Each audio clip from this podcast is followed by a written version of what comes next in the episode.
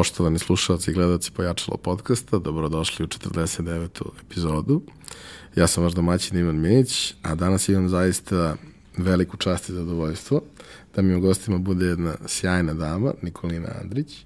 Uh, naš, možemo slobodno da kažemo, najpoznatiji virtualni asistent i osoba koja je prethodnih godina jako puno radila na tome da to zanimanje predstavi ljudima i populariše ga. Dobrodošli.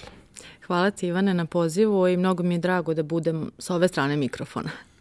Da, e, jedna od stvari koje, koje Nikolina takođe radi u, u, da kažem, celom svom e, procesu promocije a, i zanimanja i kursa koji radi je da takođe snima podcast.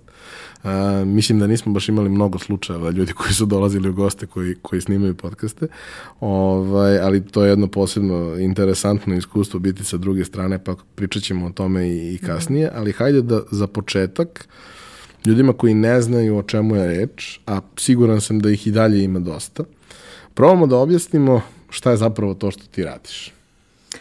Pa evo ovako, e, da si me pitao to predno dve godine, odnosno kada su me pitali predno dve godine, onda sam ja gledala da kažem da je virtualni asistent moderna sekretarica, zato što mi je to bilo najlakše da objasnim ljudima šta je to što ja radim. Kao zamisliš nekog, e, neku sekretaricu koja radi u firmi i samo je izmestiš e, u kuću, ne znam, u dnevnu sobu, nebitno u kućnu kancelariju i to je to je jedan virtualni asistent. Međutim, danas e, ne mogu baš da kažem da je virtualni asistent sekretarica zato što e, polje delovanja i rada je baš mnogo, mnogo rašireno, tako da e, danas bih rekla da je virtualni asistent osoba koja radi od kuće, prvenstveno se bavi administracijom, održavanjem društvenih mreža, marketingom i tako dalje za manje firme. Mislim da su se više nekako asistenti profilisali za, e, za manje firme, zato što e, teško je u stvari da uđeš u neku korporaciju kao virtualni asistent. Mislim, u korporacijama već postoji neki jel, plan rada, sistemi i tako dalje, a biznisi, manji biznisi, ljudi koji tek počinju da se bave određenim poslovima, njima baš taj asistent bude ono kao desna ruka, da im odradi neke poslove koje, za koje recimo više nemaju vremena.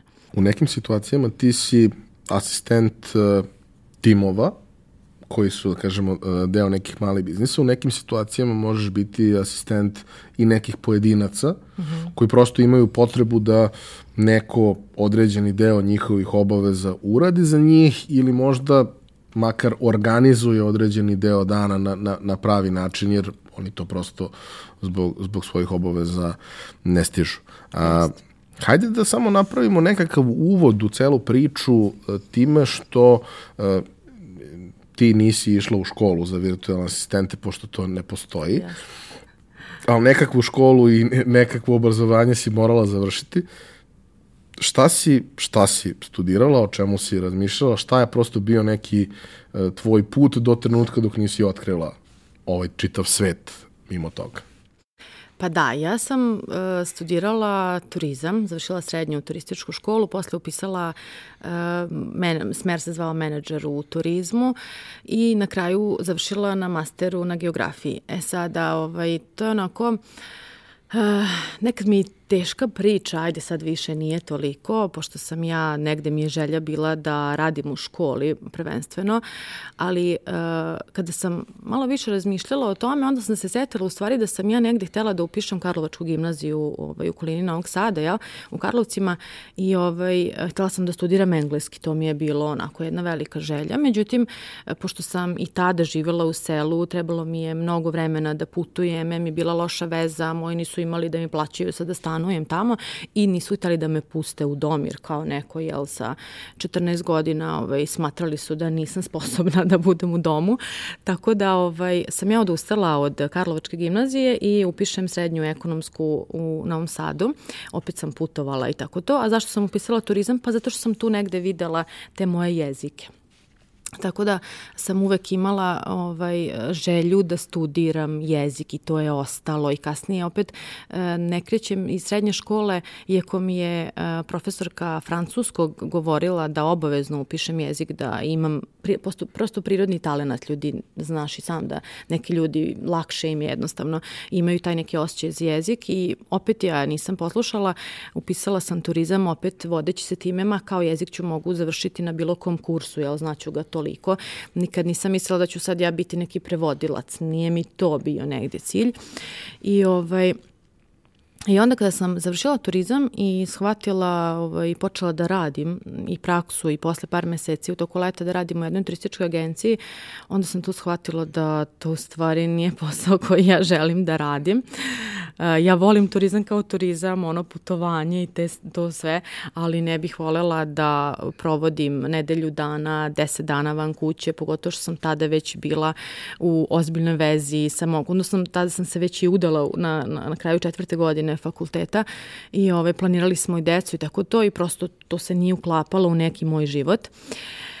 I onda sam ja tu rešila u stvari da upišem master na geografiji zato što sam tu negde opet videla sebe kao neko ko će možda moći dobro da prenese znanja, jer sam umeđu vremenu počela i da predajem engleski u, u vrtiću. Uh, I ovaj, to isto sve nešto spontano, slučajno bilo i to se meni baš svidelo. I onda posle kada sam razmišljala, shvatila sam da je, šta, zašto mi se svidelo, zato što sam ja tu mogla sama sve da organizujem. Znači ja sam pravila plan i program, organizovala sve, koliko dece, kad, koje aktivnosti, ni, ništa ja nisam imala, znaš, on kao napred određeno, nego sam sve sama smišljala i, ovaj, i to je trajalo dok je trajalo. I kako sam došla do, um, do možemo pričati kasnije o tome kako sam došla do toga, ali generalno mislim da me taj uh, to neko znanje uh, stranih jezika i želja da učim uh, strane jezike i da, da radim u, to, u toj nekoj niši mislim da me odvela na ovaj put.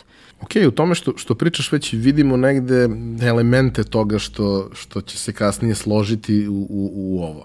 Ali uh, u vreme kada si ti to počela da radiš, to je bilo pre nekih sedam godina otprilike, o tome se ovde nije znalo ništa ili gotovo ništa. Kako si ti uopšte došla u kontakt mm. sa tim i ono, kao, šta je ta neka početna slika koju ti o tome gradiš? Mm -hmm. Pa ja tada kad sam počinjala, apsolutno nije ni postojao naziv, odnosno zanimanje virtualni asistent. Ja sam počela da radim preko freelance platforme koja se tada zvala Odesk, danas je to Upwork, ali ovaj, uh, oni tada u onim kategorijama poslova uopšte nisu imali virtualni asistent, nego je bio administrativni asistent.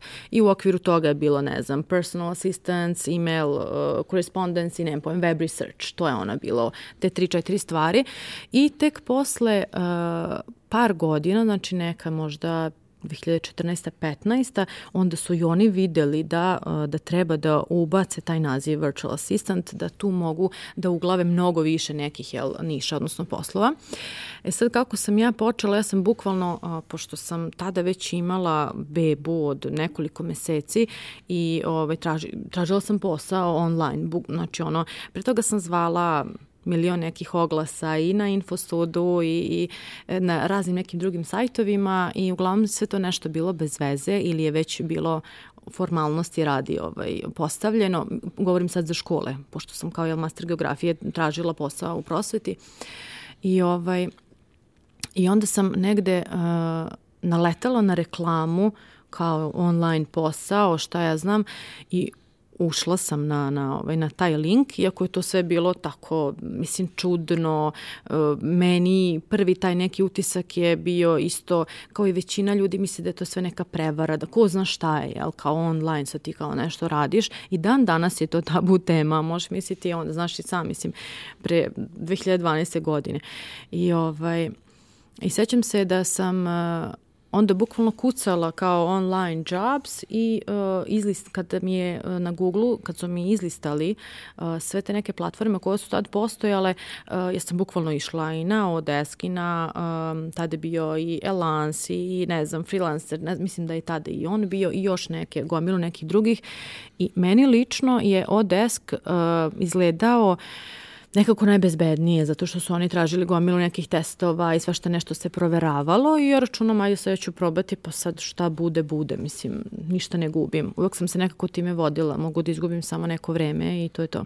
A toga sam tada imala na pretek.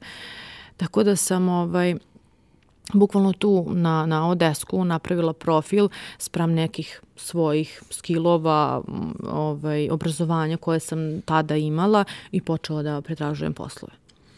I sad, kada pričamo generalno sa ljudima koji su freelanceri e, o, o tom delu njihove karijere, mm -hmm. samom početku, uvek je jako veliki problem naći prvi posao, drugi, treći, prvog stalnog klijenta. Yes. Prosto, kada već nemaš za sebe neku reputaciju na samoj mm -hmm. platformi, gomilu nekih dobrih ocena, dobrih pozitivnih komentara, niko neće da te prihvati tek tako, prosto ljudi preferiraju da rade sa poznatima na neki način, čak i ako njima možda nisu, vide da je neko već tu imao pozitivno iskustvo, kao i kad na oglasima kupuješ, gledaš da neko ima tako. određeni broj ocena da, mm -hmm. da ne bi imao problem. Uh, kako je to tebi izgledalo? Uh, koliko je to bilo mm, u tom trenutku obeshrabrujuće za tebe i uh, kako si pristupala to upitima, odnosno ponudama koje si slala. Mm -hmm. kako, kako si došla do toga da to za tebe proradi? Da. Uh, pokušaj greška. pokušaj greška i onda još jedno 5-6 puta tako dok ne provali šta je ovaj šta radi.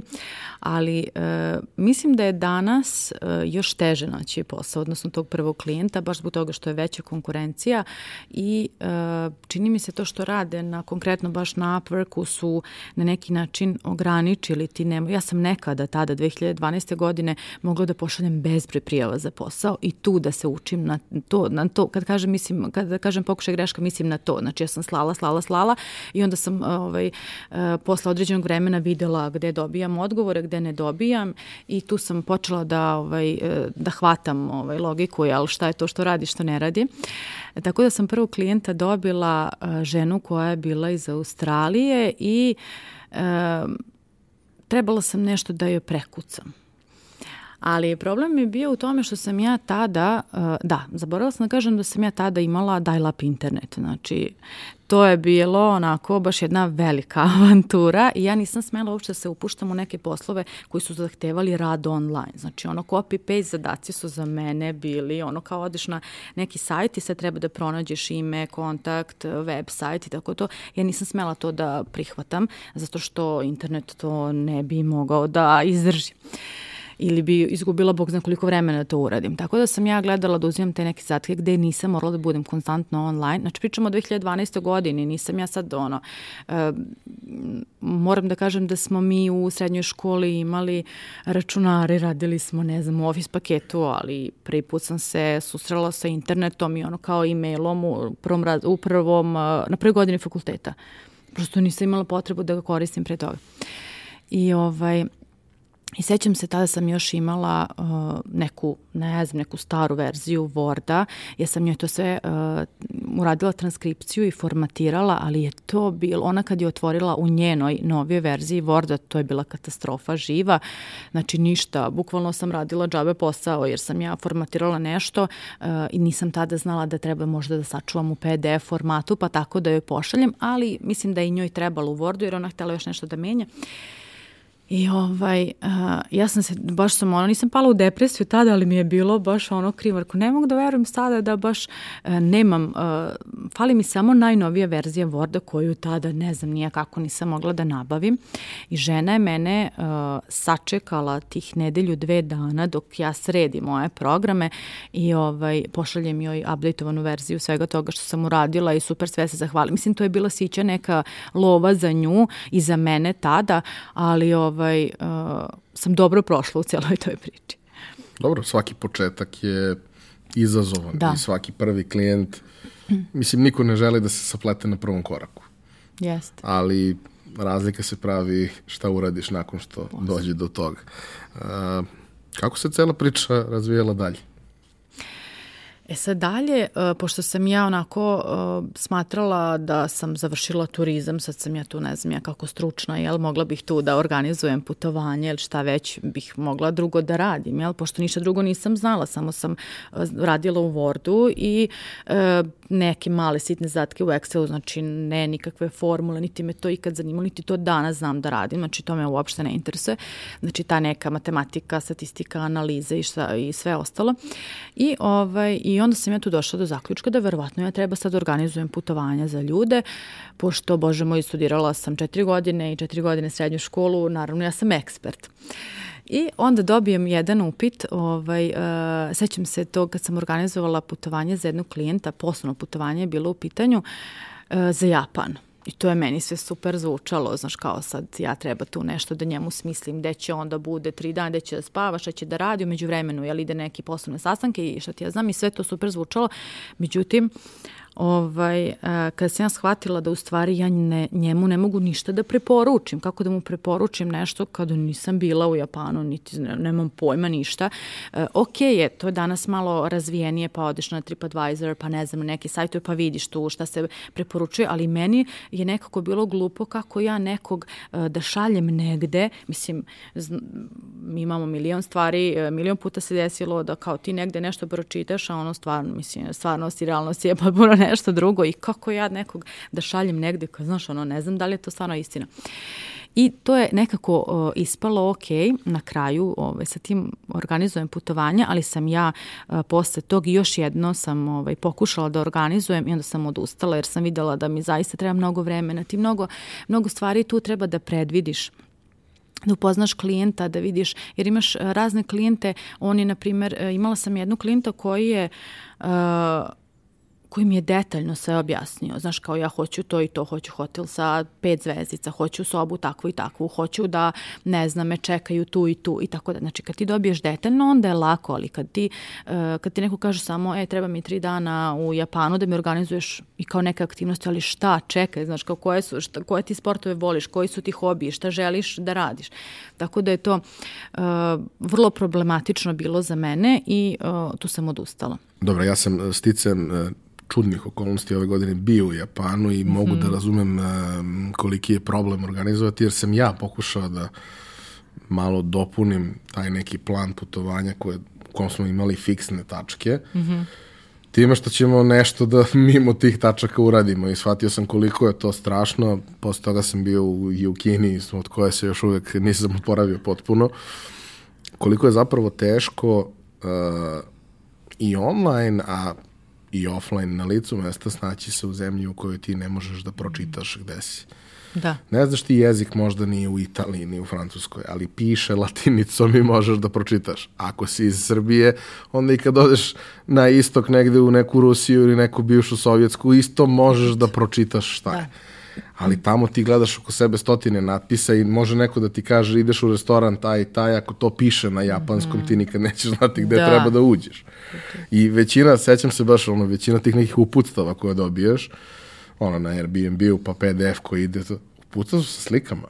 Jer da, bilo da, kako da, drugačije, ono, slika za okruženo dugme.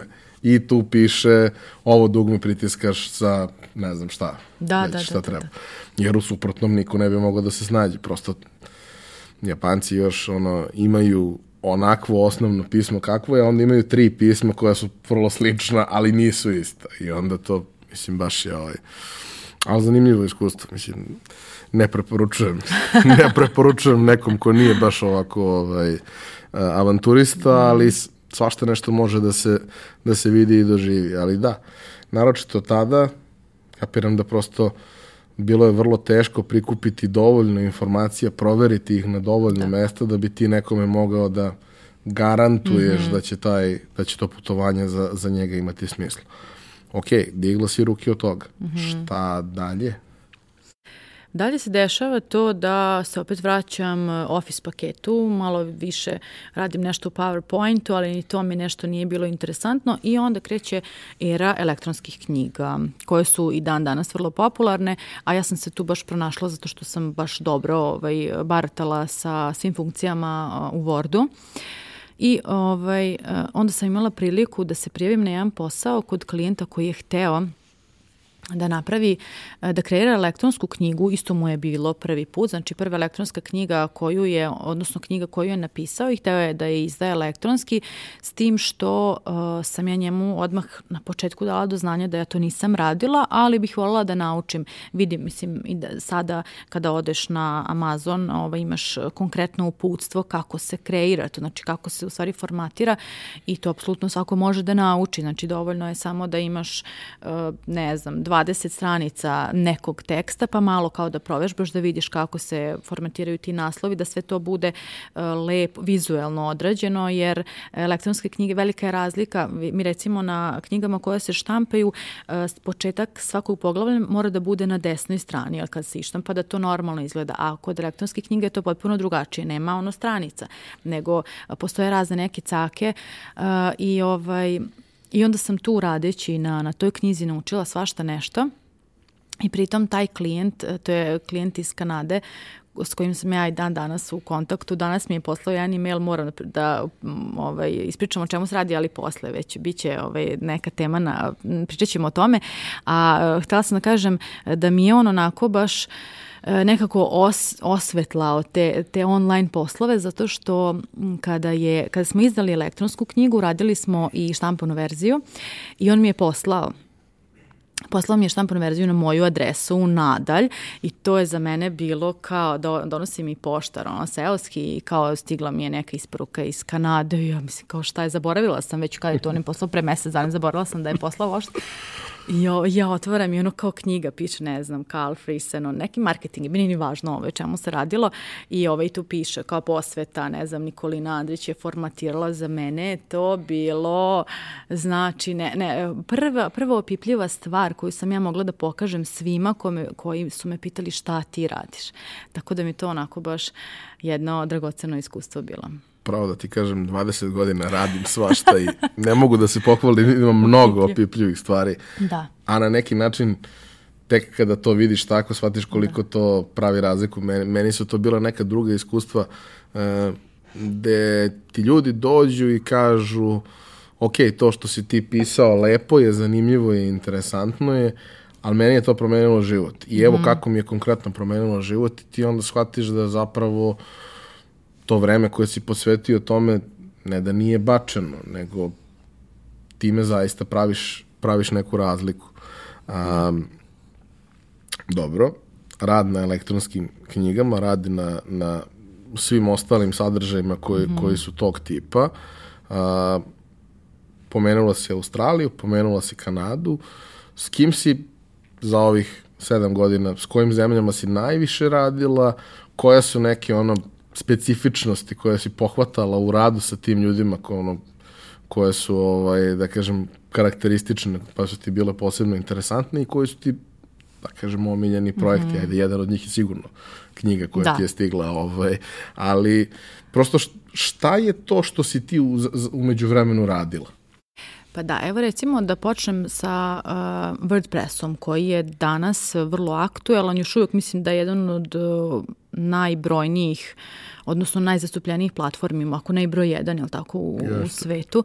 Tako da tada, uh, kada sam ja počinjala da radim u njemu, ovaj, bilo je ono kao tek se pojavljivao negde, jel, nije to bilo toliko uh, zastupljeno i uh, moram reći da sam ja prvo vežbala na, na svom nekom sajtu, imala sam gomilu nekih ono besplatnih verzija uh, i pre nego što ću početi da, odnosno kada sam završila master na geografiji, onda sam napravila sajt Geografija nadalj, pa sam ja tu jela kao mlada profesor, entuzijasta, ovo, ono, tu krije, pisala neke članke, svašta nešto, radila neke istraživanja. Stvar, još nisam ni, mislim, kao planiram da radim u školi, pa sad ću ja decu da aktiviram i svašta nešto.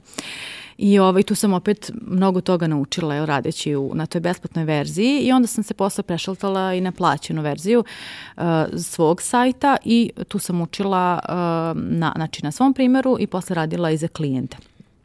E, mislim da sam dosta stvari e, prvo testirala sama na sebi, pa onda radila za klijente, kao i sada, evo konkretno online kursevi, to sve, sve to nekako ide svojim tokom, ali omiljeni klijenti uh, su mi iz Kanade definitivno i to mislim da je verovatno vezano i za ovog klijenta što, što sam mu formatirala knjigu, ali posle njega sam imala gomilu nekih um, klijenata. Zašto su oni omiljeni? Zato što uh, oni imaju drugačiji način razmišljanja. Znači, ja sam bar tako ovaj, ih doživela. I imala sam uh, par nekih iz Novog Zelanda, oni su isto sjajni. Svi ostali su tu i tamo ima raznih, ne mogu ništa da generalizujem, ali e, znači loših iskustava sa kanadjanima nisam imala. E, evo samo jedan primer, radila sam za jednog klijenta koji je finansijski uh, dva, savjetnik, hoću kažem na engleskom, znači finansijski savjetnik i ovaj, ali nisam radila ništa vezano za financije, nego je on kao hteo da piše knjigu de, za decu koja imaju problem sa disleksijom zato što je, ne znam, njegova nećaka se bori sa tim i tako dalje. I onda je on mene e, angažovao da mu istražujem sve vezano za temu disleksije. Meni to bilo kao, wow, super. Mislim, bila mi je interesantna tema vezano i za decu i šta znam, problem neki rešava. I on imao su, super ideju da napravi knjigu koja će biti prilagođena toj deci i sve onako baš je uh, humana ideja je bila u pitanju. I za njega sam radila, um, on mi je plaćao ne po satu, nego po, kao po projektu. I uh, što je bilo interesantno jeste da sam ja uh, na tu temu mogla da razmišljam dok sam kuvala, uveče dok se tuširam i tako, znači ja nisam morala da sedim i sada dumam ono kao sat vremena šta, šta je to što bi taj klijent mogao da piše na tu temu i tako dalje. I onda mi on rekao da uh, kada smo prešli na sat, kada sam baš radila konkretno istraživanje vezano za tu temu, rekao mi je da na nedeljnom nivou uh, odvojim sat vremena eh, da radim nešto što ja volim. Nebitno je sad da li ću ja da spavam, da li ću ja da trčim, da li ću da plivam, da li ću da čitam, šta god da radim, da slušam nešto, da učim, nije važno, ali eh, da će on meni to da plaća nedeljnom nivou sat vremena i da iskoristim to neko vreme za sebe. Meni je to bilo kao vam pameti. kao ne mogu da verujem, kao je ovaj normalan, šta on meni to daje, kao on će da me plaća da ja nešto tu kao učim. I ovaj, I onda mi on to objasnio na način da Uh, prosto neko ko radi, zaposleni u bilo kojoj firmi ili bilo šta da radiš, moraš biti uh, srećan ili srećna u, sam sa sobom. Znaš, ako ti nemaš vremena, ako si samo na poslu i baviš se poslom i ne znam ja, ovaj, ako uh, se ne posvetiš sat vremena sebi radeći nešto što voliš, da sve to gubi smisao i da prosto, znaš ono, uh, Tako da je to meni onako baš ostalo ovaj, e, zauvek ovaj, će mi ostati u sećanju i, i vrlo sam zahvalna što sam eto imala prilike da, da sarađujem uopšte sa takvim ljudima. Mislim, bilo je raznih um, i loših nekih iskustava, ali sa kanadjanima ne. Kao da, kad, kad pričamo o svemu tome, evo, skoro su bili neki kolege, trebao sam i, i ja da idem, ali zbog obaveza nisam mogao, kada se priča o Kanadi, kao, pa da, da, da, to je u principu sve isto kao Amerika, samo nema napetosti. Da, da. Sve, da, da, nema napetosti. Socijalna, socijalna država na, na mnogo nekom zdravijem mm -hmm, nivou. Sad, mm -hmm. tu postoji taj moment da, jeli, u većini, u pola Kanade, ako odeš, glavni da. jezik je francuski, da, što da, da, da, je meni velika prepreka, ovaj, jer ga ne razumem, mm -hmm. a ne verujem ni da mogu da se sporazumem, bar takvo iskustvo iz francuske imam. ovaj, ali to kao da, da je to nešto najbolje iz kapitalizma i komunizma spojeno na jednom podneblju koje nije preveliko, mm -hmm. nije previsok životni standard, da.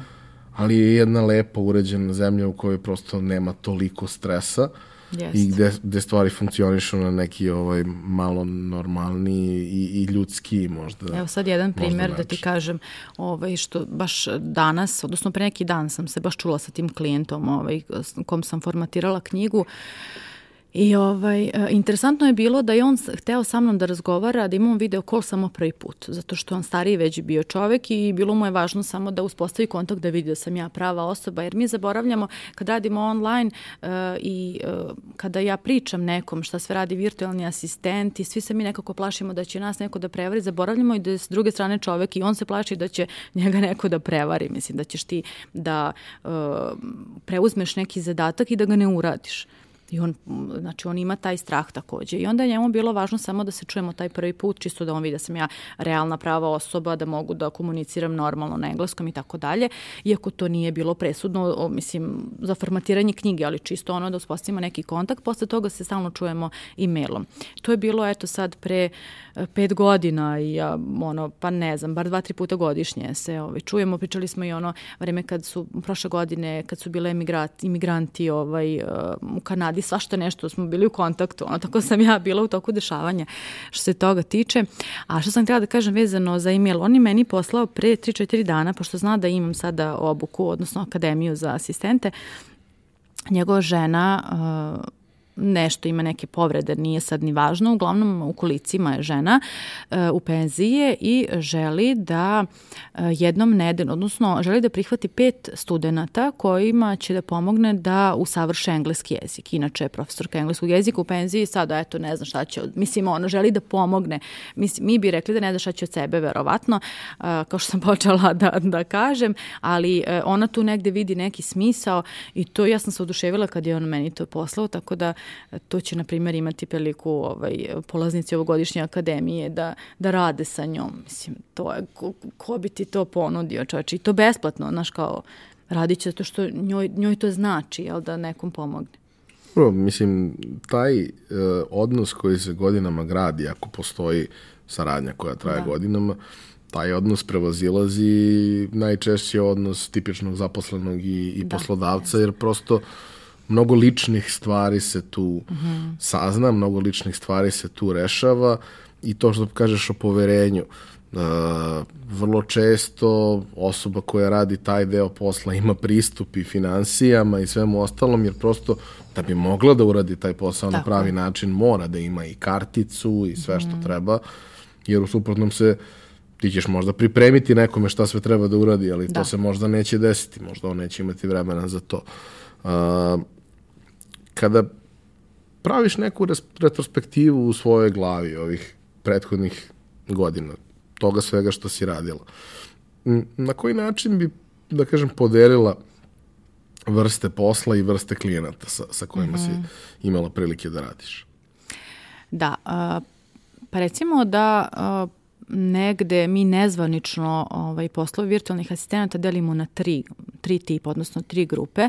To su negde administrativni, tehnički i marketinški poslovi. E sad, uh, većina ljudi, žena nebitno, kreće uh, od administrativnih poslova, sem ako nema ne znam kakvo iskustvo u marketingu ili ne znam, jel, uh, da kreira landing stranice, radi već to dve godine, naravno da će odmah, odmah tu da, da radi i online, ali neko ko nema iskustva i dolazi, ne znam, nebitno koje god da je završio, šta god da ima od obrazovanja, e, može da se snađe u administraciji zato što šta administracija podrazumeva data entry poslove, copy-paste neki, internet research, pa ne znam, email, uh, odgovaranje na mailove, zakazivanje sastanaka, čak i planiranje putovanja, ali u smislu ne sad planiranje rute, znači ne itinerer, nego prosto ono uh, bukiranje smeštaja i tako dalje. Tako da to su neki administrativni poslovi. Tehnički poslovi su uh, više ti neki back-end stvari koje, znači mi sad vidimo neku landing stranicu pa kad se prijavljujete za neki kurs ili za neki webinar, to je sve neko morao da osmisli i da odradi. Uh, to uglavnom radite neki tehnički virtualni asistenti i marketinški zna se šta je marketing, znači uglavnom su to neke održavanje društvenih mreža uh, i uopšte promocija E sad, ja sam se najviše pronašla u tom tehničkom delu, Viš, najviše sam voljela da, da čačkam te stvari i imala sam opet sreće da upoznam još jednog e, kanadjanina za kog sam vodila godinu dana Amazon prodavnicu od ground up, znači bukvalno je on mene, ja sam, pre toga sam nešto drugo radila za njega i on je valjda skontao da ću se ja tu snaći, da me to interesuje i bukvalno me angažovao da zajedno učimo. On mi je posle čak i plaćao uh, kurseve za Google AdWords, na primjer, i tako neke stvari. Uh, nije ni čudo što ja imam jako dobra iskustva sa kanadjanima, jer oni su me ono, dobar deo posla sam i naučila zahvaljujući njima. I ovaj, uh, i kad radite na Amazon prodavnici, morate, morate biti tehnički pismeni, morate uh, mnogo, uh, ima tu jako puno tih uh, pomerajućih detalja, moving parts, da kažem na engleskom opet, pa na srpskom ne mogu da prevedem moving parts. I, ovaj, I onda je važno da se sve to uklopi, tako i isto i sa email marketingom. Sve, taj back-end je jako važan i meni lično je to najinteresantnije.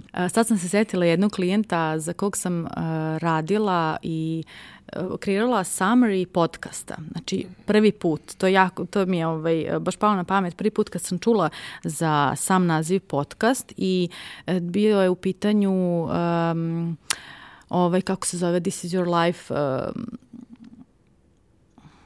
ne mogu da se setim sad, da setit ću se.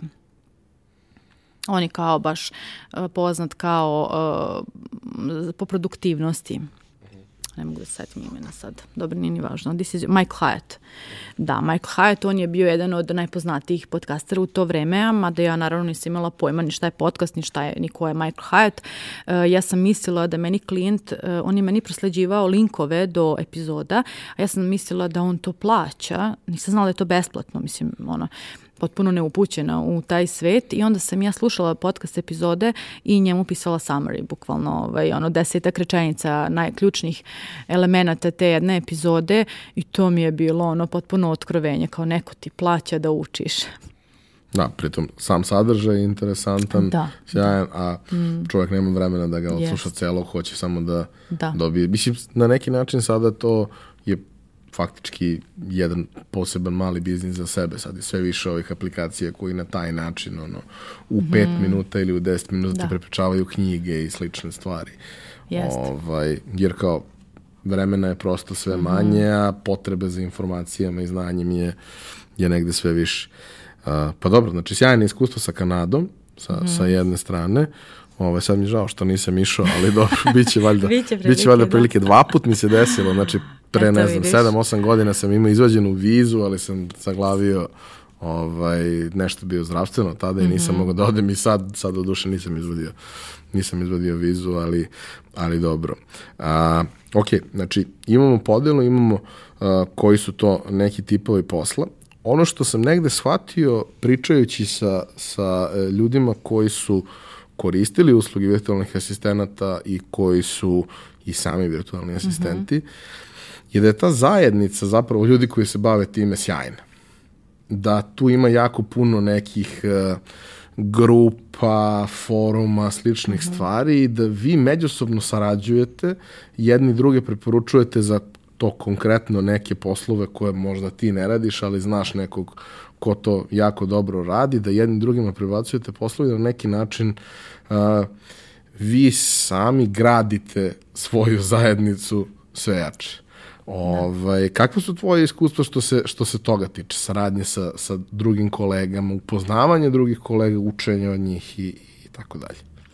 Recimo, ja sam Dušku Nikolić upoznala na Vršcu. Uh, na konferenciji LV Vršac i e, pre toga smo se nešto dopisivale i kao hajde da se nađemo jednom jer e, sam ja isto negde mi je ona iskočila negde na društvenim mrežama uh, i prepoznale smo se odmah kao po, po nekim stvarima jer smo tu negde slično što se tiče godina staža, jel?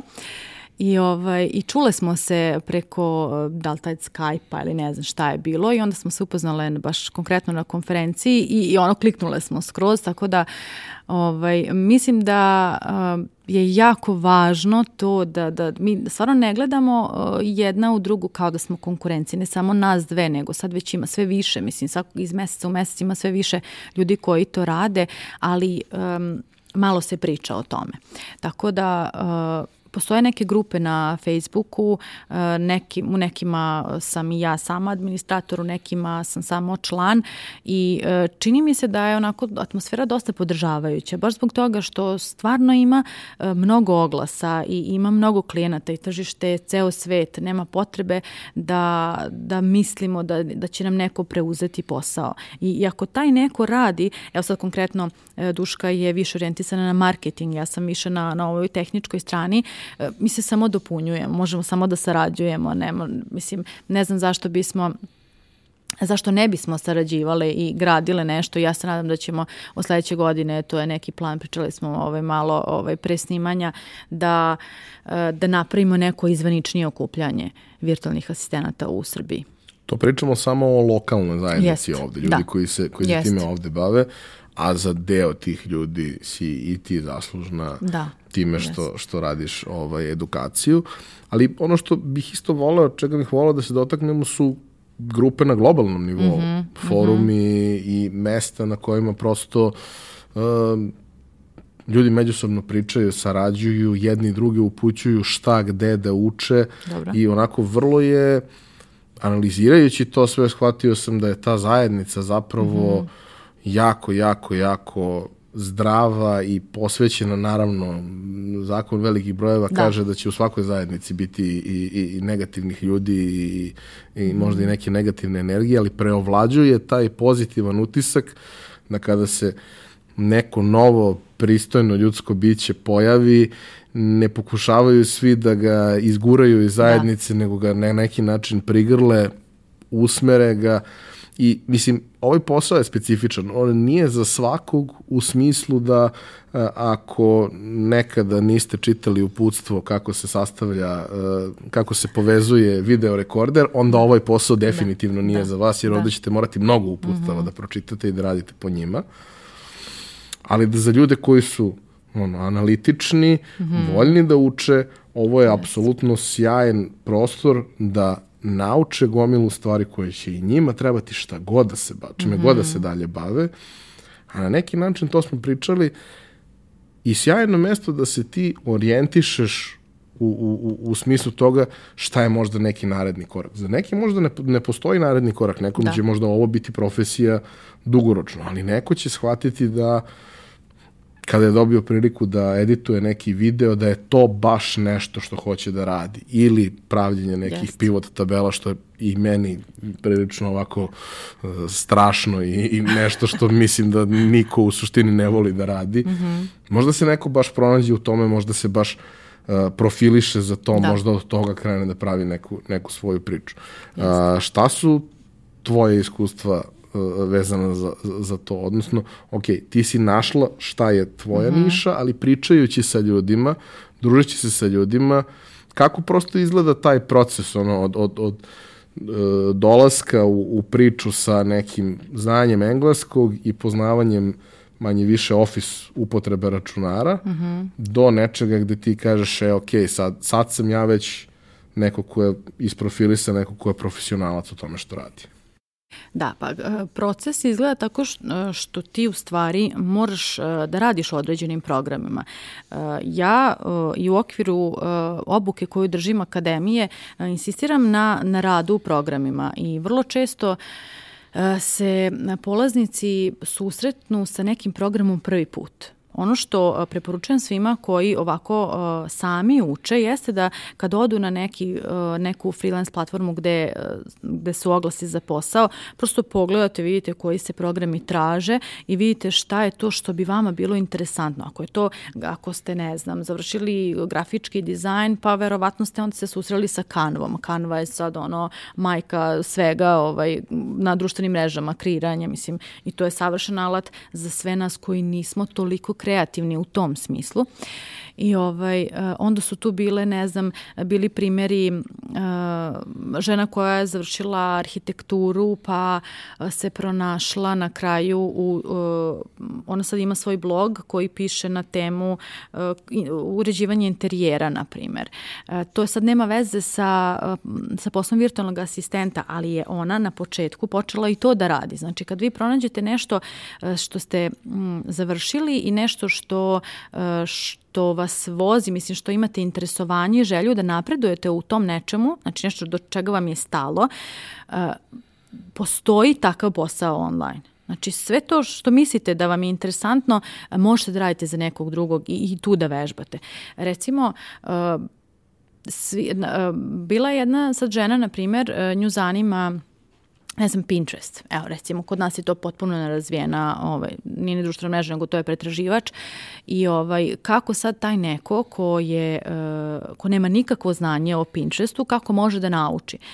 Pa vrlo je jednostavno. Uzmete e, nešto što, evo, konkretno ona je radila, pravila je neke stvarčice, e, ručni rad, nebitno je sad šta je bilo u pitanju i uh, moj savjet je bio da uh, uzmeš lepo slikaš sve to što si napravila, da li su to neke figurice, šta već i počneš da testiraš, da sve to slikaš i reklamiraš na Pinterestu. Ne moraš ti to da prodaješ, nego prosto da vežbaš da vidiš kako ta mreža radi i to naravno radiš uh, pa na, na stranom, odnosno na engleskom govornom području, zato što ti je to lakše, jer kod nas ne pretražuje niko sad figurice na Pinterestu. Mislim, malo je nas koji koristimo Pinterest za takve neke stvari i ovaj, to je najbolja preporuka da sami krenu u, o, koristeći nešto što već sada znaju i onda kasnije da u toku rada, u toku um, upoznavanja uh, klijenata, već se poslovi se nekako sami od sebe nameću.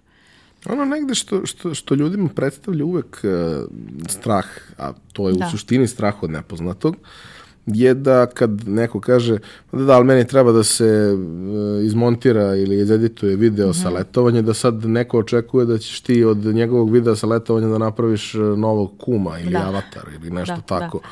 Kao ne, ljudi samo žele da se te stvari da. i seku, slože, podvuče se neka muzika, to, su, to je sve nešto što se relativno brzo nauči. Danas u većini alata koji, koji se koriste to nešto što se radi jako brzo Jest. i eventualno da se doda negde neki ispis, da se, mm. da se napiše gde je to bilo, koje godine, šta god, ili ako je sređivanje slika, opet negde ista da. priča. Niko ne očekuje profesionalnog retušera koji će raditi za magazin. Tako je, da ali očekuje da se neke stvari srede. Ako mm -hmm. se vama svidi to što radite, pa možda jednog dana prosto postanete profesionalni da. retušer za neki magazin. To sve yes. uči, ali ovo sve zahteva, posao je prosto takav da te stvari zahteva na jednom, znači da kažem, bazičnom nivou, ali apsolutno ne na Ne, pogotovo ne na početku. Jer ti kada dođeš i sada recimo hoćeš da edituješ neki video, e, ne znaš kako to da uradiš, otići ćeš na Google, ukucat ćeš how to edit video ili how to use taj taj program kada već vidiš da u to može da se uradi, odeš na YouTube, vidiš tačno kako šta treba. Bukvalno, mislim, tutoriali su ono, klikneš ovde, klikneš ovde i to je to. I ti dva puta kad to uradiš sam ili sama, to je to, nema tu neke velike nauke. E sad, uh, volao bih da, da uh, još jednom uh, damo ljudima perspektivu tebi je Odesk, odnosno sada Upwork, bio primaran mm -hmm. za, za nalaženje klijenata. A, gde još ljudi i kako još ljudi nalaze klijente, mm. pa bih onda volao da popričamo o, o akademiji. Ali samo mm -hmm. prvo da, da prosto ljudima objasnimo gde oni to sve mogu da traže, na koji da. način uopšte da istražuju to, mm -hmm. da mhm. vide da li je to nešto za njih. Da. Uh, ja i dalje mislim da je Upwork uh, koliko god šta god pričali ovaj, o samoj platformi i kako sve to funkcioniše, kako se menja i dalje mislim da je najbolja opcija za početnike. Baš zbog toga što je širok spektar poslova, što možete svašta nešto da probate. Na, jer uh, posle vi kada se profilišete lako ćete se vi reklamirati onda, jer kad znate o čemu pričate. A uh, drugi načini uh, saradnje sa klijentima, odnosno rad za klijente su uglavnom preko Facebook grupa. Uh, ima baš, bukvalno kad odete na Facebook i odete na ovaj, uh, onaj deo gde su grupe i kucate virtual assistant, dobijete bar 10-20 grupa u kojima se nalaze ne samo virtualni asistenti uh, koji rade, koji hoće da budu angažovani koji dele savete i svašta nešto, nego imate bukvalno ono board, job boards i tako dalje, gde se gde izbacuju oglase za posao. Tako da tu je isto gomila nekih poslova na koje može da se prijavi i na LinkedInu, mislim da je ipak na LinkedInu um, malo manja možda potražnja i ta gru, te grupe koje postoje na LinkedInu su manje aktivne. Ove na Facebooku mi se čini da su, da su mnogo aktivnije, relevantnije i mnogo brže se menjaju i mnogo, e, mnogo više rastu, brže u stvari, znači imaju više članova. I nekako mi se čini da svaka takva zajednica koja postoji, kada uđeš u nju, prvo možeš da vidiš svašta nešto novo da. što ljudi podele, interesantno, uh mhm. -huh. neke možda zanimljive tutoriale, neke, neke možda savete. Drugo, daje ti priliku da pokažeš šta znaš da radiš, daje ti priliku da nekome pomogneš, daje ti priliku da, da imaš koga da pitaš, da budeš aktivan deo te priče i to je vrlo vidljivo. Nije Jeste. isto, opet ista priča kao i sa, sa Upworkom, gde ti kad dođeš imaš nula recenzije, nemaš baš neku veliku šansu, ali ako si ovde aktivan, mm. ako si na forumu nekom aktivan, posle par meseci tvog doprinosa, kad neko bude pitao, neko će se setiti tebe pa će da. te tagovati, a vidjet ćeš Jeste. i sam na kraju dana, ali izgradit ćeš nekakvu internu reputaciju, napravit ćeš svoju mrežu svojih ljudi u da. okviru da. Mreže koje, koje je neko postavio.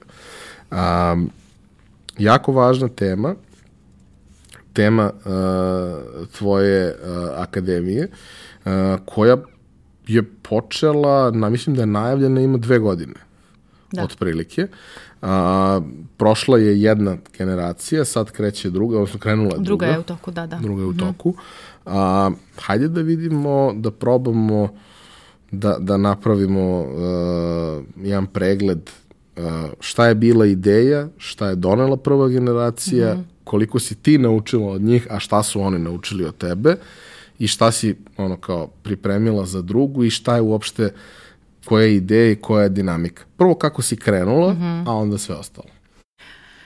Pa da, eh, mnogo sam naučila, naročito prošle godine ovaj, od eh, polaznika kada je to bilo um, na ozbiljnijem nivou u smislu da je duže trajalo, da je to bilo sistematičnije i, i bolje organizovano jednostavno, jer sam ja sa iskustvom shvatila u stvari kako sve to planski treba da se uradi i unapred sve pripremi, jer ne može ništa sporadično da se, može da se menja, ali generalni plan mora da postoji. Uh, Tako da, 2016. godine kada su ljudi počeli sve više da me pitaju šta je to, šta radim, kako sam dobila posao ili kad dobiju posao, kako sad da naplatim, koliko da naplatim, kako da, preko čega, mislim, na, sve, sve je to ono velika jedna ne, nepoznanica i uh, onda sam rešila da napravim uh, jedan besplatan modul odnosno to je bio, nije, bio, nije bio u stvari osmišljen kao besplatan modul, nego kao jedan online kurs iz kog sam ja izvukla jedan deo i ponudila ga besplatno, koji u okviru kog je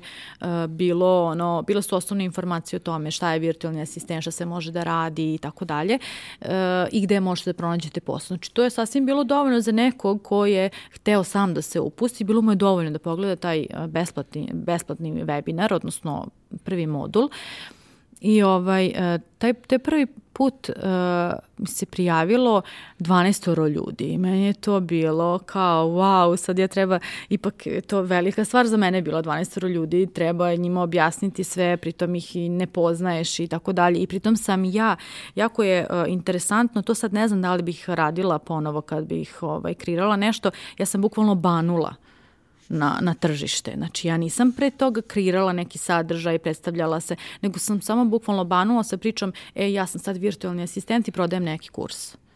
Mislim da to ne bi sada radili, mislim da to ne bi sada ni prošlo, jer e, nisam imala izgrađenu e, bazu, nisam imala pratioce, ništa. I ovaj, pritom sam na društvenim mrežama Facebook otvorila isto tako 2015. godine, znači nije mi za posao trebao. I ovaj, uh, ta neka inicijalna ideja, ideja je bila da sva ta neka pitanja koja imam da uh, pretočim u kurs i da pomognem ti ljudima koji su hteli da rade online, da im olakšam jednostavno puta, im pokažem gde šta kako. I uh, super je prošlo to sve, tada je bilo uh, tih prvih godinu dana sam ja bukvalno svakog meseca imala uh, novo, novi kurs, znači to nije bio ono kao pasivni prihod, pa sad svi pričaju, znaš, nakreiraš kurs i zaboriš na njega, nikad to tako nije funkcionisalo, znači ja nemam pasivni prihod, ovo što uh, radim, ja radim uživo sa, sa ljudima.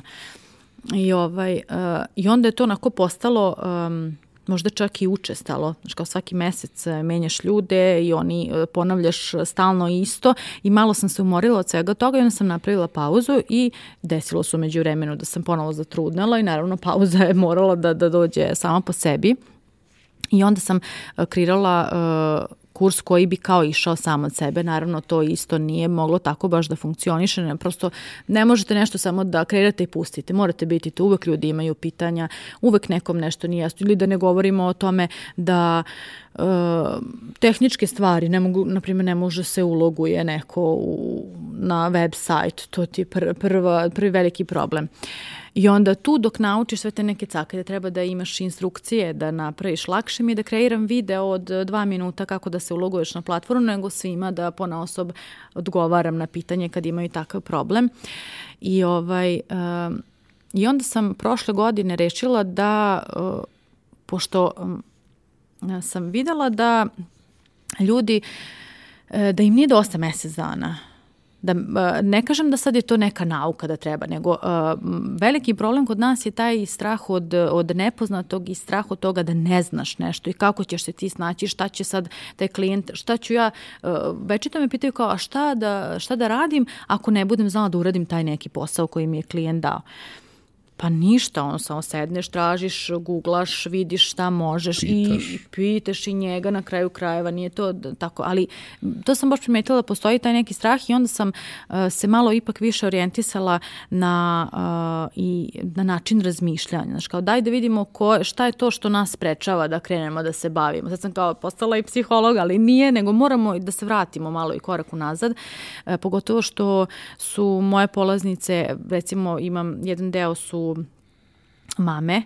Mlade mame, a drugi deo, to je sa generalna podela, znači nije ono ili isključivo, a drugi deo su žene recimo koje rade već, kažem žene, to što su većina, 95% su žene, e, koje rade već nekih deseta godina na određenim poslovima i stvarno im je to dojadilo ili nemaju vremena više za porodicu ili previše im oduzima vremena posao ili prosto se više ne pronalaze u tom nekom poslu. Možda nema neke perspektive dalje da, da, nema, ne može da napreduje. Osjećaju se ograničeno jest, jest. celoj toj priči. A ovde je o, mislim, to ništa nije ograničeno, tako da vrlo primamljivo zvuči. A, ok, jedna od stvari koja je definitivno potrebna, to je neka vrsta podrške svim tim ljudima, mm naročito u početku. Jeli? A, koliko ljudi je prošlo kroz, kroz edukaciju do sad, kako vi komunicirate dalje, i e, šta je bila, znači druga generacija je postavljena po principu da se deo stvari automatizovao, ali mm. da mhm. opet postoji nekakva redovna podrška, redovna komunikacija. I šta da. su te, rekla si neke stvari, ali šta su neke još stvari koje ljudi pitaju, šta su neke nedoumice? Da probamo i ovde da ih adresiramo, mm. da na neki način ono kao pred, preduperedimo taj problem koji ljudi mogu da imaju ono, prilikom odluke da, da nešto probaju. Da, um, sada je akademija osmišljena tako da uh, traje tri meseca, oktobar, novembar, decembar i tako planiram da je nastavi, znači samo jednom godišnje. I ovaj, uh, možda da kažem čime se bavim u okviru akademije, pa to su stvari Može. neki odgovori jel, na, na sva ta pitanja koja sam dobijala. Uh, bavimo se uh, pronalaženjem idealne usluge, to je mislim da je negde ali to nije ono sada mi u, u okviru tog modula dođeš do usluge i to je to. Nego ovaj, odgovaramo na neka razna pitanja gde ti se ono negde o, možda ti padne na pamet nešto što si nekada radio, voleo, zaboravio jer si 10 godina potpuno nešto drugo radio i setiš se tog nečeg što ti je interesantno. E, vrlo evo plastičan primer, devojka koja je, ne znam, radi administraciju i ona je stalno negde spomenjala meni kako voli muziku, kako voli ovo, kako voli ovo. I ovaj, ja kažem, dobro, čekaj, i voli da volontira. Mislim, kao, to je nek, devojka još uvek nema Dobro. Da. Voli da, da ti, u redu, ok. Da ti dam kontakt, šalim se. I, ovaj, I onda sam ja predložila, aj čekaj, da li se razmišljala o tome da ti, uh, ajde sad na lokalnom nivou, da vidiš da pogledaš neki muzički festival. Mislim, to je bar lako da uđeš kao volonter, možeš svašta nešto da naučiš. I dobro, ajde, to je ostalo kao ideja, možda hoće, možda neće, nebitno. Ali pošto ima uh, veze odnosno ima iskustva u administraciji, pa hajde da vidimo da li možeš ti da radiš tu administraciju u toj nekoj muzičkoj niši. Sjetila sam se zato što sam ja imala jednog klijenta iz Velike Britanije, iz Londona tačnije, koji je od mene zahteva, odnosno zadatak koji sam radila za njega je bilo da preko LinkedIna tražim ljude na osnovu određenih parametara kriterijuma koji mi je on dao i kontaktiram, kontaktiram ih da se nađu, ne znam, ugovaraju sastanke sa njima, oni inače i muzičku kuću kao produkciju produkciju radi. I onda mi je to palo na pamet, vidiš, što ne bi to nešto radila, mislim, nešto vezano za na, muziku, nešto što voliš. Tako da, uh, to je, uh, to je neki cilj, jel, kada kažemo no, idealno Bukiranje nastupa za muzičara. Da, da, znači nešto vezano to. Nećeš sad ti pisati tekstov na temu joge ako te to ne interesuje, razumeš? Onda ovaj, pričamo o o, o mestima gde se pronalaze poslovi, znači to sam sad spomenula, freelance platforme uh, i uopšte velika tema je bila koju sam naučila prošle godine uh, kako kreirati dobar profil i na LinkedInu i na Upworku, da to bude uh, mislim da tu prikažeš ono osnovne stvari i, i najvažnije stvari koje su važni klijentu, ne da se ti hvališ kako si ti ja završila master, ja sam ovo, ja sam ono, nego da odmah uh, kažeš šta je to što ti možeš da pomogneš klijentu i ovaj. To se svuda provlači kroz sve biznise, ali i ovde kad radimo kao freelanceri, važno je da vi uh, i kad u tokom pisanja prijave isto, znači cilj je da vi odmah rešite problem klijentu i da mu date do znanja da ste vi ta prava osoba koja može da mu reši problem, a ne njega ne interesuje što ste vi završili 10 godina uh, ne znam čega na kom fakultetu i imate 20 diploma. To nikog ne interesuje. Sad sam u busu ovaj, kad sam dolazila isto čula jednu ženu kako priča kao nešto o konobarima, nije ni važno. Ovaj, uh, bio je neki lik koji je imao diplomu, a nije znao da drži tacnu. Mislim, ne, ne trebaš, znaš, ne trebaju ti ljudi koji, uh, koji imaju samo papir Tako da ovaj, pričamo znači, o, o prijavama za posao, pričamo o o profilima, pričamo o tome kako odrediti cenu. To je jako veliki problem e, s, sa ljudima iz naših prostora zato što mi generalno jel, svi radimo, odnosno vodimo se time, gledamo koliki je taj minimalac, koliki je prosek, pa kao ako ja budem radila ceo mesec, kolika je ta neka satnica da se ja tu uklopim, a niko ne razmišlja o tome da to nije stalan posao, ti nemaš 40 sati nedeljno tu zagarantovano, nego ti moraš da se ono, pokrpiš, odnosno moraš da zaradiš dovoljno da imaš za taj mesec i ne zaboravi, ne znam, internet što plaćaš, to su samo sitnice, ali to se nakupi ako neko ide u coworking prostor ili šta god. Sve su to troškovi, fiksni troškovi koje treba negde platiti. Ovaj, uh, I određivanje cene u smislu vrednosti. Ja sam konkretno imala primer sa klijentom za kog sam radila za 5 dolara, ne, nešto na početku e, satnica, on mi je platio duplo više. Tada je to za mene bilo, znaš kao, zradila sam 10 dolara za sat. I onda me suprug pitao kao šta ti radiš? kao šta ti radiš to? Ovaj? Mislim, je li moguće da ja radim za dva sata, zaradim nečiju dnevnicu? Znaš, to mi je baš onako bilo, pogotovo tada, pre nekoliko godina, e, prosto nisam mogla ni da pričam o tome, jer ljudi te odmah drugačije gledaju. I ovaj, I onda uh, to naše pozicioniranje, šta je još problem kod naših ljudi, uh, svi se plaše da ne znaju dovoljno engleski jezik, znači to je sindrom, ono, ne, neverovatno, a uh, opet sam ja imala prilike da razgovaram sa, ne znam, tamo indusima nekim kao projektni menadžer i to je, to ne da nije engleski, nego to je, mislim, ne pocenjujem nikoga, ali sve ljude s kojima sam, to, to je ne, ne, nešto da, da ne veruješ da ne možeš nekom da objede, da moraš pet puta uh, jednu istu rečenicu da ponoviš da bi on razumeo ili ako mu daješ uh, uputstvo kako nešto da uradi, ne smeš da mu daš pet teza odjednom, nego prvo, prvi task, pa, pa da uradi task, pa provjeriš, pa onda drugi, jer inače je ostalo sve gubljenje vremena. A naši ljudi to uh, ne registruju uopšte, ne, odnosno nemaju verovatno iskustva, ne, ne, ne govore taj engleski jezik i onda misle da su sve zaboravili, da ništa ne znaju. Ne kažem, verovatno ne, ne govorimo svi profesionalno, jel, na profesionalnom nivou, ali je to je nebitno, znači dovoljan je neki B1 nivo da se ti, da možeš da se sporazumeš, da razumeš šta klijent traži, šta hoće od tebe, da razumeš šta prosto, da, da, da znaš da komuniciraš. Svakako je Tako da- prednost da, ako imaš neko naprednije znanje jasno, i možeš da, da radiš da. stvari koje možda neko da. sa, sa manjim znanjem ne bi mogao, da. možeš možda i da lektorišeš jasno, i da pišeš da. umesto nekog i sve. Ali nije to primarno, nije to jedino što, što je da. neophodno. Da. Mislim, i ljudi koji pričaju mnogo loši engleski mm. mogu to da rade, ali kod nas postoji taj u, usađeni strah od toga da ako nešto nije savršeno, bolje da, da niko ne zna mm. i bolje da ne probam. Mislim, moj engleski je odličan. Ja ga 20 godina koristim za posao. Ako ga nisam pričao mesec dana, mojih prvih pola sata priča su užasne. Yes. Posle pola sata da. ne znaš da li sam native ili, da. ili nisam. Ali jednostavno, Verujem, da. vrlo je veliki problem kad nemaš naviku da svakodnevno komuniciraš. Mm -hmm. Ja i dok sam mnogo više radio sa, sa inostranstvom, ja sam komunicirao u pisanoj formi. Da, da. nisam da. se čuo, nisam mm -hmm. pričao.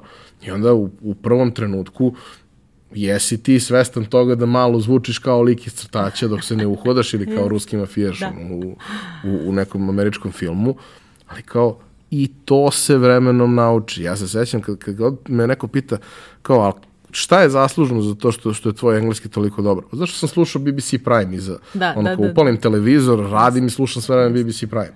Jer kao, ja, bi, ja bi to slušao, mene to uspava. Mene, znaš, kao, taj British English moment. Super, mi je da. potpuno ono genijalan. A ljudi imaju strah Mhm. zato što ne razumeju da je najvažnije da se, da se možeš sporazumeti sa drugom stranom. Da. Možda, kao, ako je to neka Amerika, ako je to neka Kanada, ako je to neka Australija, pa možda ni njemu engleski nije Mm, Da, prvi jezik. u velikoj Vrlo većini često. slučajeva, da, da. Pa baš se i on nekako snalazi, ali ti njemu rešavaš problem koji nije na nivou, treba da mu izlektorišeš diktat za školu. Da. Nego treba da mu uradiš neko istraživanje za koje tvoj engleski ne mora da bude savršen. Treba da mu sistematizuješ neke stvari gde se tvoje druge veštine mnogo više cene od, od tog jezika. Jeste. Iskorigovat će on to za toliko. A Ništa bez sve ostale stvari naučit ćeš kroz vreme. I znaš šta je još, ovaj, kad sam sad spomenula engleski jezik, evo sada baš u akademiji sam primetila da po, konkretno na freelance platformama eh, sve bolje prolaze ljudi koje znaju i druge strane jezike. I to vrlo često pitaju, to nekako nisam imala utisak ranije, ali eh, vrlo često me isto kontaktiraju i pitaju kao šta, ja ne znam engleski, znam nemački. Super, super, mislim, sigurno ćeš naći posao i sa nemačkim jezikom, tako da eto i to je jedna od stvari koja je važna. Jedna od stvari koju sam pomenuo na početku je to da ti snimaš podcast. A, rekla si kada si ulazila u, u kurs da real, realno nisi baš bila nešto preterano pozicionirana na tržištu i nisi bila prepoznata da ne grešim dušu, ja sam znao, ali Da, ja svašta ljudi- tako pohvatim, pohvatam usput ko šta radi i ko je u čemu dobar, ali a, kada si krenula da, da se pozicioniraš, to opet nije nešto što, što je negde tvoje primarno čime si se bavila. A kao nešto što je primarno čime se ja bavim, mogu da ti kažem da to radiš fantastično. I sad, uh, volao bih da znam uh, koja je tvoja logika bila, a volao bih i da, da mi kažeš, odnosno da svima nama kažeš, šta je to sve što si radila, a jedna od tih stvari je i, i podcast koji, koji snimaš, koji je isto, koji je isto sjajan. Pa da, uopšte ideja o podcastu je bila ono, uh, kada sam shvatila da stvarno treba da se pojavljujem jel, na društvenim mrežama i uopšte da kreiram neki sadržaj, uh, krenula sam da pišem na temu virtualnih asistenata i to je bilo okej, ali to nije bilo nešto gde sam se ja baš pronalazila. Mislim, nisam mogla, pogotovo kada slušaš one uh, savete da moraš bar jednom nedeljno da izbacuješ nešto, nebitno u kojoj formi, nisam se pronalazila da znači da ja mogu da mogu da pričam, mogu da pričam ceo dan, ali e, da ja sad e, sastavim smislen tekst koji će baš dobro da zvuči kada ga neko pročita, pa mislim da mi je to oduzimalo mnogo više vremena nego što sam mislila da, da će biti. Zatim sam ja sam probala i YouTube, ovaj snimala neke tutoriale, pa videa i svašta nešto, dok a umeđu vremenu sam krenula i sa podcastom kao audio formom. Ne znam da li sam auditivac ili nisam, ali prosto mi je to nekako bilo, e, ja koja sam u selu, e, bilo mi je važno da ostanem u kontaktu sa nekim ljudima koji su mi važni, a s druge strane e, nisam želela da pređem u video formu zato što nisam mogla da se izmeštam. Znači ja nisam sad mogla, super je to ideja, dođeš sad u Beograd ili u Novi Sad, odeš u neki hotel, snimiš 50 epizod, 5, ajde ne može 10, 5, ma i 5 je mnogo za jedan dan, da snim, 3 neka bude, da snimiš za jedan dan, ako ti se svi ovaj, odazovu, jel, kad su rekli. I ovaj, e, ali to je za mene neizvodljivo sada, pošto imam troje male dece i stvarno ne mogu da se cimam, ovaj, a ne želim da snimam uh, video koji je lošeg uh, kvaliteta. Tako da sam ipak ostala samo pri audio snimku. I, uh, I upravo sam podcast krenula uh, kada sam odlu rešila u stvari i shvatila da tekst nije ona moja forma, pisani, jel, pisani sadržaj. I uh, prvo sam ja krenula da pričam sama, da pričam nešto o virtualnim asistentima i onda sam se nekako uh, doš, došla sam do te tačke kada sam skontala pa sad sam ja to sve ispričala, nemam ja sad tu nešto veliko, mnogo da pričam, ok, neke promene se dešavaju, ali baš svake nedelje da imam neki sadržaj, nisam ga imala, pogotovo što još nisam bila pozicionirana, pa nisam ni dobijala ne znam kakve velike upite. Sad bih ja opet imala šta da, da pričam sama, iako radim intervjue uglavnom. I ovaj, Uh, što sam htjela da kažem, da, ta neka, ta neka prva sezona podcasta uh, je bila više orijentisana ka virtualnim asistentima. Znači, cilj je bio da se promoviše uh, ovo zanimanje kao zanimanje, dovodim neke ljude koji će, uh, koji će davati vrednost tim ljudima koji žele da, da se bave nekim online poslom. A onda sam se u drugoj sezoni uh, ipak više orijentisala na, uh, na žene, isključivo žene. Uh, Ovaj, sad ne znam koliko je to tebi interesantno, ja sam gledala i tvoj podcast, odnosno ovaj podcast pojačalo i e, do sada imaš koliko 6-7 žena ovaj, od tih 50 epizoda i e, generalno mislim da se, ne sad nisam ja ne znam kao neka feministkinja i tako to, nego prosto mislim da e, žene e, manje se nekako čuju i vide. E, iz raznih razloga, nebitno je sad i onda je meni to bio ovaj postrek da ja dovodim i to ne žene koje imaju sad ne znam koliko desetina, stotina hiljada pratilaca, nego one koje su na početku, sa kojima će moći ove realne žene, znači tamo neka moja komšinica da se poistoveti, da vidi da i ona to nešto može. I uh, cilj onda ovo, ove druge sezone koja mislim da je onako, da sam se tu ja onako najviše pronašla, jeste da intervjušem žene koje rade online uspešno, šta god, tu, su, tu je bila, ne znam, i copywriteri i uh, virtualni asistenti i ne znam, uh, marketari i svašta nešto, znači razna neka zanimanja dizajneri i tako dalje, svi koji su se pronašli nešto uh, online, odnosno monetizovali to neko svoje znanje. Meni je lično bilo vrlo interesantno da, da slušam te priče.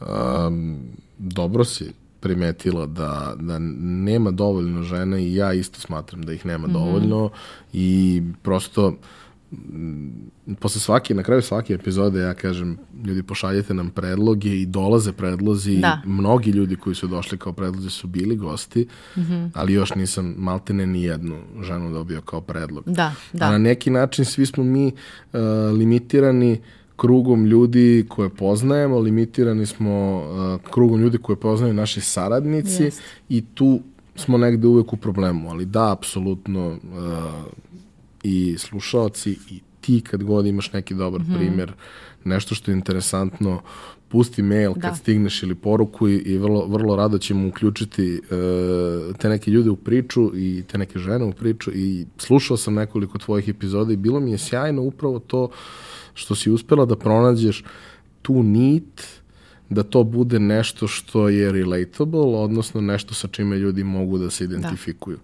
To je naš problem ovde, iskreno. Mm -hmm. uh, ja sam shvatio radeći neke epizode, kao sedneš, analiziraš dobro ko je sve bio u gostima, negde si limitiran time što ti ljudi možda i ne žive ovde, pa kad dođu možeš da ih uhvatiš i tako dalje. I ti shvatiš, kao prethodnih pet epizoda su bile ljudi koje kad normalna osoba sluša bio u fazonu, ne, ne, nikad ne. neću moći da budem kao on. Da, da. Kao, moraš da. da budeš rođen kao jednorog da bi mogao da budeš jednorog. I kao, mhm, dobro ajde malo da smanjimo došli, mm -hmm, ajde malo mm -hmm. da mhm. dovedemo ljude od krvi i mesa koji da. pričaju da. neke realne priče koje su, koje su mnogo popljivije, pa s mhm. vremena na vreme da imamo i jednoroge, jer i ti jednorozi su nekad bili ljudi od krvi jest, i mesa. Jeste, samo što to nekad, nekako je ljudima davno daleko. je to bilo. Da, da. da. Mnogo, mnogo daleko. Mm -hmm. A, dobro, kako ide druga generacija i a, šta su planovi za dalje? E, misliš na akademiju kada govoriš druga generacija. E, pa druga generacija ide sjajno, imam stvarno, ovaj, eto, sad da li to sreća, uh, univerzum i tako to, ali mislim da je ipak pozicioniranje odradilo svoje. Ovaj, imam baš sjajne žene, imam još jednog muškarca i ovaj, uh, E, mislim da dosta dobro napreduju svi, neki su, evo sad smo negde na pola, e, njih troje ili četvoro već dobilo posao, tako da je to za mene, čak nekad e, ni ne volim kad se to desi, jer to znači da će taj neko da unapred e, želeti da zna sve ono što sledi, sve ovi moduli koji ga čekaju, znači on treba da zna kako da odredi cenu, kako da naplati, preko kojih e, posrednika i tako dalje i kako da komunicira sa klijentom, kako da odradi taj prvi ovaj, Skype ili nebitno video call, kako god, preko kog god programa, ali uh, sam srećna što se ljudi pronalaze tu, znaš, jer nije mi cilj da sada uh, imam stotinu ljudi i kao ja sad tu nešto držim, a niko ništa konkretno ne radi. I stvarno se ovaj, uh, cijela akademija zasniva na, na praktičnim zadacima i na radu. I imam ja, mislim, sve, postoji ta teorija i sve to odrađuju radne sveske i tako dalje, ali ako e, ne rade u programima konkretnim koji su sad recimo najaktuelniji 10-15 programa, imamo ovaj, svaki put u svakoj e, generaciji, ne u generaciji nego u svakoj akademiji e, i onda oni, znaš kako ti kad odradiš jedan ili dva zadatka u jednom programu, ti već imaš osjećaj da si to nešto radio. Ne osjećaj, nego stvarno jesi Možeš radio. Možeš da se orijentišeš. Jeste. I onda sledeći put kad dobiješ, kad vidiš šta je da klijent traži neki sličan zadatak da uradiš, možda ne u tom, možda u nekom drugom programu, ali koji funkcioniše na isti kalup. Recimo sad imaš email marketing, pa imaš 20 uh, alata u kojima možeš da radiš, pa sve to na isti fazo nema to. Znači, jedan kad provališ, to je to, samo malo treba da pohvataš jer gde se šta nalazi. I onda oni e, dobiju tu neku sigurnost koja im fali, jel? Ne fali svima, ali ko, oni koji su u akademiji, uglavnom im fali ta, ta podrška i ta sigurnost. Tako da, Srećam se eto što su već neki počeli da, da rade, tako da to mi je onako baš veliki uspeh. Za narednu godinu rekli si da planiraš još neke dodatne aktivnosti. Da. Baš smo pričali pre nego što smo ovaj, počeli snimanje, ima tu nekih ovaj, sjajnih, sjajnih stvari koje, koje sleduju, pa bih volao da m, daš neki mali teaser mm -hmm. za to.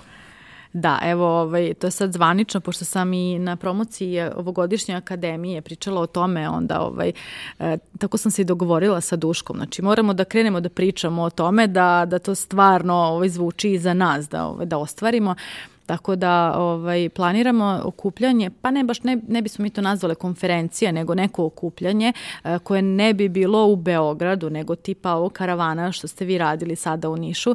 E, to mi je jako dobra ideja zato što smatram da sva ta neka dešavanja e, nekako previše toga ima u Beogradu, a premalo e, svuda okolo van Beograda, mada sad kad sam s tobom pričala, to je nije, nije ovaj bez veze, znači postoji razlog zašto je to tako, teško je to sve organizovati organizovati, ali eto, ja se nadam da, pošto sada već i pita si me koliko je bilo polaznika, do sada je prošlo uh, 100 ljudi, i to je već jedna onako dobra masa koja može jel, da, da, ovaj, da iznese to jedno okupljanje. Ja inače imam okupljanje svake godine u decembru sa svim polaznicima, pa sad ko može dođe, ko ne može i to je možda neki uvod za, za kasnije.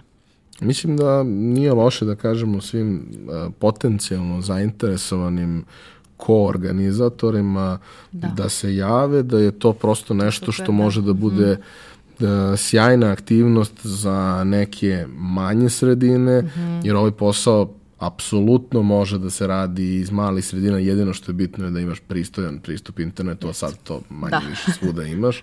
Ali upravo ono što je, što je naš prijatelj Ćosa pokušao kroz svoju konferenciju da kaže ljudima to je živi lokalno, radi mm. globalno, upravo to i jeste da. negde ovaj, i, i, i potka svega ovoga što, što sada pričamo. To je da zaista a, po manjim sredinama gde je mnogo teže pronaći neki posao, gde je mnogo teže pokrenuti se, ovo je zapravo idealna stvar. Just. Jer ti nudi i fleksibilnost, mislim, prosto mama si troje male da. dece. Da. Ništa drugo što bi uzela da radiš ne Jest. bi mogla da radiš i da budeš dobra mama da. troje male dece. Prosto je takva stvar. Ovde negde ti imaš i tu fleksibilnost i možeš uvek kada se malo da kažemo etabliraš u tom svetu i prepoznaci možeš da kažeš e ok sad hoću da radim tri meseca malo jače, da. zato što hoću da putujem mm -hmm. u mhm. Japan ili gde da. god. Ne, ne mora možda Japan, ali evo, neka bude ne, ne, da. neka Azija, neki Tajland, neka bude nešto Kanada, ko šta može voli, Kanada. može i Kanada. ovaj, ali možeš da doziraš to koliko ćeš da radiš. Nemaš baš punu kontrolu, to da. nije 100% siguran Jest. posao, postoji sigurno i neka vrsta sezonalnosti mm -hmm. u mhm. svemu tome, ali vremenom kada se orijentišeš u tome što radiš, kada si stabilno u tome svemu, možeš prilično da kontrolišeš kako mm -hmm. će i da pretpostaviš i da planiraš Just. stvari. I znaš šta je još dobro što uh, uvek možeš da menjaš. Recimo, evo sada, ja kad završim akademiju, onda od januara, februara imam neke planove, neke klijente, uh, čak i ovde iz Srbije, to ću sada da probam, da vidim kako će to da... Imala sam nešto, ali nije mi se svidelo kako je to ispalo, sada imam neku novu ponudu, pa ću da vidim kako to funkcioniše, ali uh, bih voljela sad opet da malo radim i sa klijentima, znaš, kao da se vratimo, ono, jer uh, smatram da ne mogu ja nekog da obučavam, da bude asistenta, da ja potpuno se isključim iz, iz te cele priče, tako da ću opet malo da se angažujem i sa te strane i to je super stvar, što ja prošle godine, na primjer, sam imala samo jednog ili dva klijenta jer sam bila, ne znam, uh, beba, imala sam bebu i nisam mogla prosto da se fokusiram na to, nisam želela, htela sam da se posvetim detetu, ipak je to treće dete, to onda sa trećim dođete do toga da stvarno treba da budete tu pored tog deteta, ne da ga čuva baba i deda i ovaj, I onda, ovaj, to je jako velika stvar što ti možeš da biraš, znači sada radit ću, ne znam, dva, tri projekta i napravit ću pauzu. A, ono isto što, što negdje mislim da je, da je vrlo bitno je e, da upravo dakle, postoji fleksibilnost, postoji mogućnost da ti planiraš svoje obaveze, da planiraš na neki način i u određenom obimu i svoje da. prihode i sve što uz to ide, ali ti daje i tu uh, fleksibilnost da možeš da se profesionalno razvijaš u nekom smeru. Da kažeš, ok, ja sad hoću da se fokusiram na to da učim ove stvari, uh mhm. -huh. pa ću se elementarno uputiti u to, onda ću juriti zadatke koji su mi posebno interesantni i negde posebno važni. Da. A, Draga, hvala ti što, što si bila. Mi sad imamo to uh, na kraju svake epizode imamo taj moment sa deljenjem ovaj, knjiga. Uh, ti si rekla da podelimo knjigu kako da dođete do moćnih ideja, mm -hmm. koju je pisao naš dragi prijatelj i gost u jednoj od prethodnih epizoda uh, Dave Beers. Tako da dragi slušalci i gledalci, uh, u komentarima na YouTube-u ostavite da ste zainteresovani za knjigu i mi ćemo pred objavu naredne epizode izvući tri korisnika koji, koji će ovaj dobiti knjigu. A, hvala ti što si bila, hvala ti što si ispričala priču, nadam se da će uh, i ovo pokrenuti neke ljude i neke žene da, da shvate da zapravo uh, mnogo više i u njihovim rukama nego što im možda na prvi pogled delo i da zapravo mogu da uz malo truda, volje i, i želje da se uči malo pobeđenog straha da. naprave sebi jedan mnogo mnogo lepši i mnogo bezbrižniji život ovde, jer prosto sve to što mi ovde učimo, sve to što mi ovde znamo da radimo sve to zašto smo mi sposobni, negde neko ceni mnogo više nego što možda neko ovde lokalno to ceni. Jeste. Hvala tebi mnogo na, na ovom gostovanju. Ja bih samo na kraju dodala, setila sam se jedne priče ovaj, e, koju je imala asistentkinja, odnosno koja je završila e, za asistent i počela da radi, ona i suprug su se vratili iz Švajcarske da bi e, on ne znam šta, pošto su radili u nekoj tamo e, kompaniji, ne znam koliko sati dnevno, isto su imali malu decu, e, ona je posle tri meseca morala da se vrati na posao i prosto nije imao ko više da čuva decu, dolazile su babe i dede, odnosno babe, ali nisu mogli tako da funkcionišu jel, godinama i zbog toga su odlučili da se vrate iz Švajcarske u Srbiju, ako su imali dobar standard, dobar posao i sve to, ali prosto želim samo da kažem da ja smatram da s ovim poslom mi mi kao žene koje želimo da se ostvarimo kao majke, e, da je ovo idealna stvar.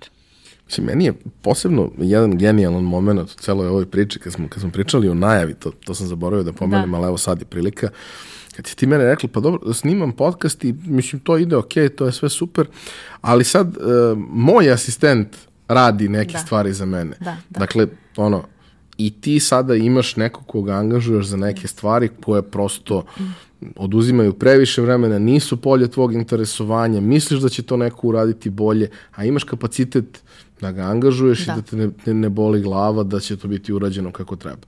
Jeste. Ovaj posao je jako vezan za taj odnos poverenja koji mm -hmm. se mhm. gradi sa ljudima i može da bude dugoročan i vrlo često to nije da ti radiš 8 sati dnevno za jednog da. klijenta, da. radiš možda par sati nedeljno, ali ko zna koliko dugo radiš par sati nedeljno, jer si ti osoba od poverenja koja rešava neke jako bitne stvari koje on ne bi poverio nikom drugom. Tako je. ti poslovi se, ako ih radiš kako treba, ne gube, jer mm -hmm. ti ljudi žele osobu koje mogu da. da se oslone. I imaju uvek, baš to sam isto pričao, to mi je isto bilo jako interesantno, kao ja bih sad da idem dve nedelje na odmor, nema problema, idi ti dve nedelje, naći ću se ja nekako da. dve nedelje bez tebe, da, da, da. ali kad se vratiš, molim te, vrati mi se, trebaš mi, ja ću da preživim nekako Jest. ove dve nedelje, jer prosto to je takav odnos. Mm -hmm. Nije Jeste, lako ni uvesti nekog novog u priču da. i taj onboarding traje Jeste. neko vreme i ljudi to ne vole da menjaju ako ne moraju.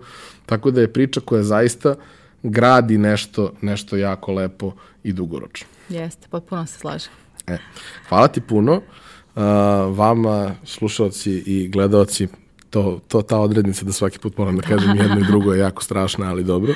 Vama slušalci i gledalci, puno hvala na pažnji, kao i do sada molim vas da sve predloge i ideje pošaljete putem društvenih mreža, u komentarima ili da nas startujete na druženju ili na karavanu i da nam kažete svoje predloge, jer na kraju dana mi ovo radimo zbog vas i zaista nam je stalo da budemo što bolji u tome, jer jedino tako dugoročno možemo da napravimo neku razliku.